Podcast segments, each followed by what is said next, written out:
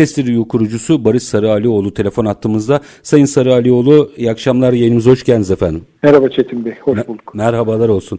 Üstadım ilk önce e, bunun yolunu yordamını konuşmadan önce önce bu ilişkinin niye önemli olduğunu ve trendin nereye doğru gittiğini e, bize analiz ederseniz sevinirim. Şimdi kullanıcı deneyimi artık e, eskiden olduğu gibi değil. Bütün firmalar e, müşterilerine, kullanıcılarına daha iyi, daha kaliteli, daha kesintisiz e, ürünleri ve hizmetleri götürmek için çaba sarf ediyorlar. Eski hı hı. dünyada e, bir ürün vardı. Herkes buna mahkumdu. E, alternatifiniz yoktu. Yeni dünyada e, muadil e, belki 10 tane çözüm var elinizin altında ve bunlar arasındaki seçimi saniyelerle yapabilirsiniz. E bu kadar rekabetin yüksek olduğu bir yerde tabii ki herkes de daha iyi deneyimi sunmanın yollarını arıyor. O sebeple de buna benzer e, sürekli yöntemler, metodolojiler türüyor dünyada diyebilirim. Temel kök sebebi bu. E, mukayese ettiğinizde genel fotoğraf algı düzeyinde baktığınızda ne durumda? E, yani Türkiye'de de ben e, bizim kurumları da iyi ilerlediklerini düşünüyorum. Yani bundan 10-15 sene öncesinde bu konularda pek bir bilgi de yoktu, ilgi de yoktu. Hı hı. Şu anda baktığımızda son 10 senede ilgi de var, yatırım da var. Peki önümüzdeki 10 senede ne olacak? Önümüzdeki 10 senede de o yatırımlar artık firmanın stratejisinin vazgeçilmez bir parçası olması. Hani bu konu sadece bir ufak bir yatırıma sonuçlanmasın. Kurumun stratejik konusu olsun. E, yıllık raporlarında yer alsın bütün ürün ve çözümlerimizde baştan sona konuştuğumuz bir hale gelsin. Gömülü bir şekle gelsin kurumumuz için. Buraya doğru gidiyoruz. E, bunun yolları var diyorsunuz. Onu biraz açabilir misiniz? Şimdi bu tasarım odaklı düşünme e, dediğiniz konu çok da değerli bir konu seçmişsiniz. Belki son 5 yılda Türkiye'deki en popüler konulardan biri. Büyük kurumsal firmaların e, kafa yorduğu, yatırım yaptığı bir alan. Bu e, temelde var olma sebebi şu, e, problem çözmek. Bir problem çözme yöntemi aslında bu. Çok da böyle bir roket bilimi değil, uzay bilimi. Basit bir yöntem. Temelinde bize şunu söylüyor. Yani bir problemi inovatif ve yaratıcı yollarla nasıl çözersiniz? Bunu anlatıyor. Malum bizim insanımızda problemi dinlemek e, konusunda pek bir sabır yok ama çözüm üretmek konusunda sonsuz alternatif var biliyorsunuz.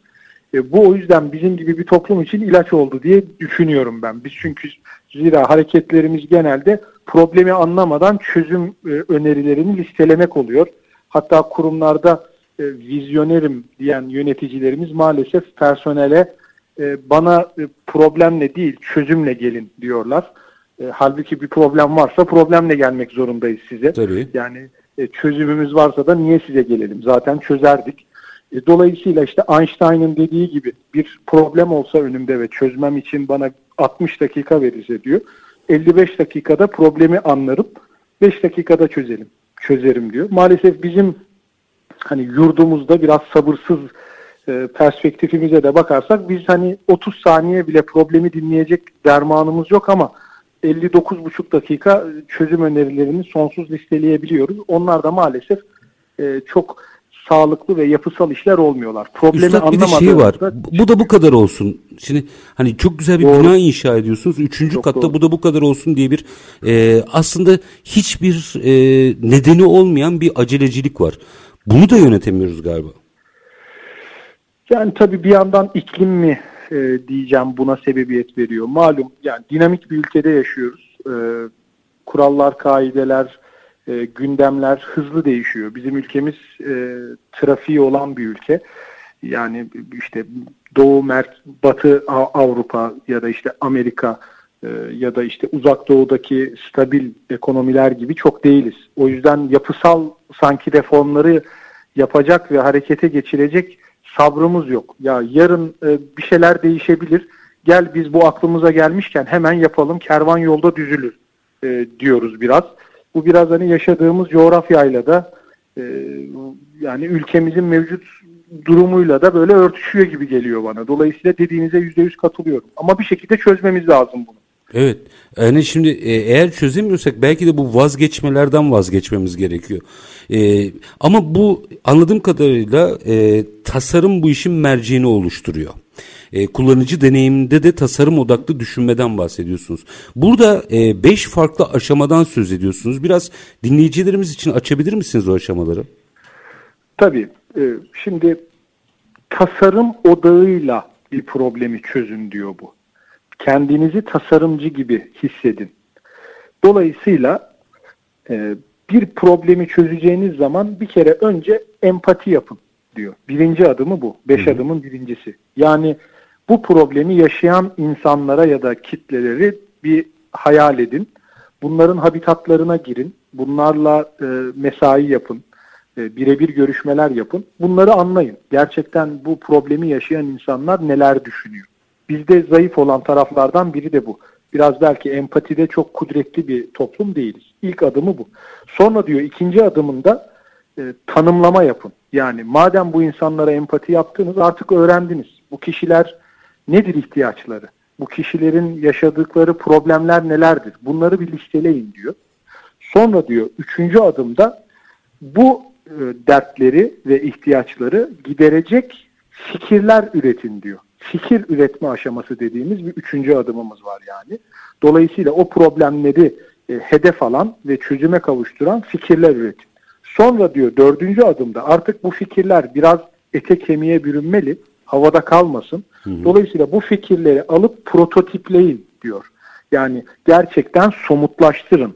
Nasıl e, bu fikirlerin hayata döneceğine dair doneler verin insanlara. Sonra da diyor dönüp acı yaşayan, problemi yaşayan kitleye dönüp prototipinizi test ettirin diyor. Beşinci adım da bu. Dolayısıyla da onların da geri bildirimlerini alın. Bu aldığınız geri bildirimlerle prototipinizi birkaç belki döngüde güncelleyin. Sonunda artık hani diyor ne yapmanız gerektiğini biliyorsun. Bu neyse oradan çıkan e, sonuç bunu gidin inşa edin, üretin, geliştirin, üretim bandına sokun diyor. Kabaca bu şekilde bir e, metodoloji diyebilirim. İdealize ettiğimizde bu yol haritası çok güzel. E, uygulamaya geçtiğimizde nerelerde tıkandığını görüyoruz? Yani işte birkaç yerde tıkanıyor. Bir tanesi... Açalım ki e, onları herkes tabii, tabii. oraların üzerine çalışsın. Birinci konu empati yaparken çıkıyor ortaya. E, herkes şunu e, hedefliyor. Herkesin problemini çözmeliyim. Yani örneğin İstanbul'un ulaşım problemini çözecek. Oradaki ulaşımdaki bütün canlıları hedef alıyor. Şimdi herkesin problemini çözmeye çalışırsanız günün sonunda kimsenin problemini de çözemeyebilirsiniz. Hı hı. Bizim bu bu framework'te bu e, çerçevedeki en önemli acı bence bu. Yani çok geniş kitlelere hitap edilmeye çalışılıyor. Halbuki burada diyor ki herkesi gör ama kimlerin problem yaşadığını herkesi listele ama diyor belli bir yere odak koy diyor. Yani örnek verelim İstanbul'da ulaşım problemini çözeceksen belki ilk odağı toplu taşıma kullanan insanlara koymalısın hani oradaki bütün trafikteki herkesi düşündüğünde sonunda üreteceğin çözüm e, herkesi mutlu etmiyor. Kaos Birinci, oluşuyor tabii. Kimseyi çözü, çözemiyorsunuz bu sefer. Doğru. Ya da bir diğer konumuz şu oluyor. E, bütün problemleri çözmek. Şimdi belirlediğiniz bir kişiyi bu kişinin 10 tane farklı problemi var. Yani e, yolda zaman kaybından da e, şikayetçi diyelim ulaşım problemine geri dönecek olursak otopark olmamasından da şikayetçi e, işte güzergahlardan da. E şimdi bütün bunları da çözemezsiniz doğru değil mi? Yani e, yine size şunu diyor. Bütün problemleri listele ama diyor ihtiyaçları. Yine sonunda bütün problemleri çözmek için yola çıkarsan diyor günün sonunda hiçbir problemi çözemeyebilirsin diyor. Dolayısıyla yine aynı yere geliyoruz.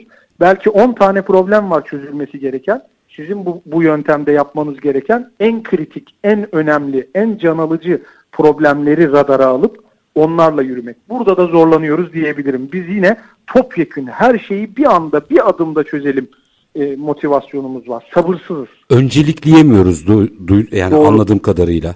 Yüzde yüz. Rakip nasıl yönetiyor bunu? Önceliklemenin ötesinde yani Avrupa'daki vesaire dünyanın başka yerindeki rakipler. Çünkü bu sadece bizim firmalarımız için geçerli ki dünyanın trendi bu. Şimdi tabii yani e, bu 1990'lı yıllarda Stanford Üniversitesi'ndeki e, tasarım enstitülerinde temelleri atılmış.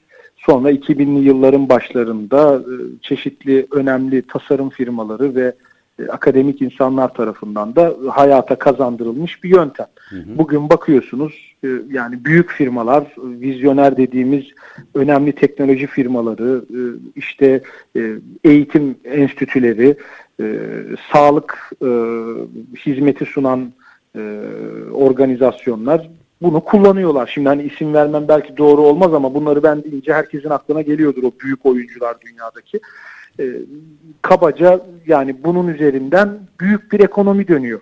E, bilmiyorum hani e, büyük markalardan örnek verebilir miyim? Yani markaya sorusunda? giremiyoruz rütük nedeniyle giremiyoruz, ama. doğru. E, yani dolayısıyla işte bir marka büyük bir e, elektronik ve e, yazılım markası e, bu sayede e, tasarım odaklı düşünme ile yaptığı proje sonucunda e, dünyada metrekare karlılığı en yüksek olan perakende dükkanına sahip oluyor. İşte buyurun. Ee, çoğu insan bunu tahmin ediyordur kim olduğunu. Hı hı. Söylemeyelim ama hani firma bunu e, elde ederken bu yöntemi kullanıyor örnek verelim. Ya da başka bir e, sağlık kuruluşu ürettiği MR cihazını çocuklar için bir MR cihazı üretiyor ve tamamen tasarım odaklı düşünmeyle çocuklara empati yaparak bu sistemi üretiyor ve buradan yılda 300 e, milyon dolar civarında bir e, ek bir ciro oluşturuyor gibi. Dolayısıyla yani buradan müthiş kazanım e, elde ediyor.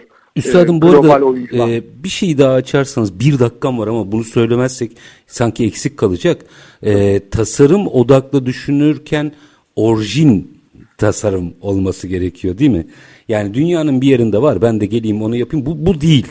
E, sürekli bir sorun üzerine kafa yorup gerçekten e, yaratıcı bir bakış açısından bahsediyorsunuz. Yüzde yüz öyle.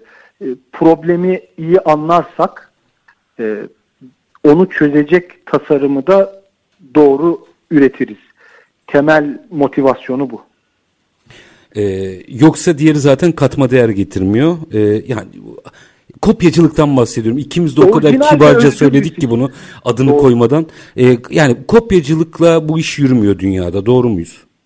Kesinlikle. Yani bugün e, işte en gelişmiş ve alanında en lider e, konumda olan firmalar hep dikkat ederseniz kurum içi inovasyon, hı hı. E, yaratıcılık, e, özgün projeler artık yıllık raporlarında istihdam adetlerini, karlılıklarını yayınlamanın yanında biz ne kadar inovatif bir firmayız, biz kurum içi girişimciliğe ne kadar müsaade ediyoruz, biz ne kadar yaratıcı fikir ortaya koyuyoruz diye kendilerini değerlendiriyor artık firmalar. Daha modern metrikler sunuyorlar dünyaya. Eskiden olayımız sadece karlılıktı, satışlardı, çalışan sayısıydı. Şimdi artık bunlar önem kazandı dediğiniz gibi. Ve Önemli çok zor değil. Türk firmaları da e, bunu yapanlar var. E, genelde de yayabiliriz bu işi.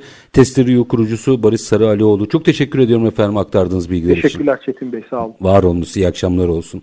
Efendim kullanıcı deneyimde tasarım odaklı düşünmenin yollarını konuştuk. Kısa bir ara aranın ardından işte bunu konuşalım demeye devam edeceğiz. Lütfen bizden ayrılmayın.